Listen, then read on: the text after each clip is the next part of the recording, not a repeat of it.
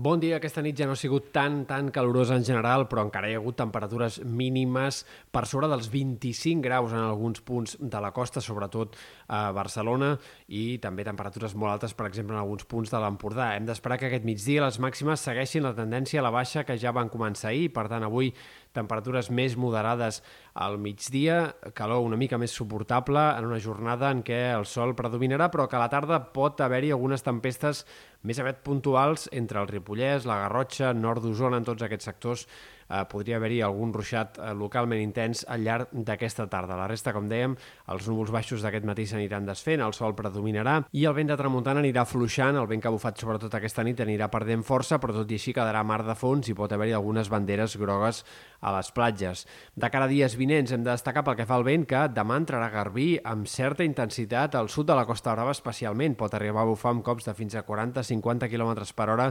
entre la selva marítima i punts del Baix Empordà.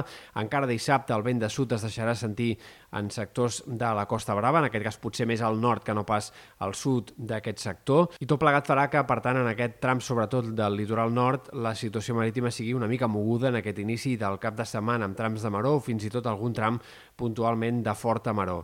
Per la resta hem d'esperar un inici del cap de setmana amb molt de sol i amb calor, amb més calor. Les temperatures faran pujades i baixades aquests pròxims dies.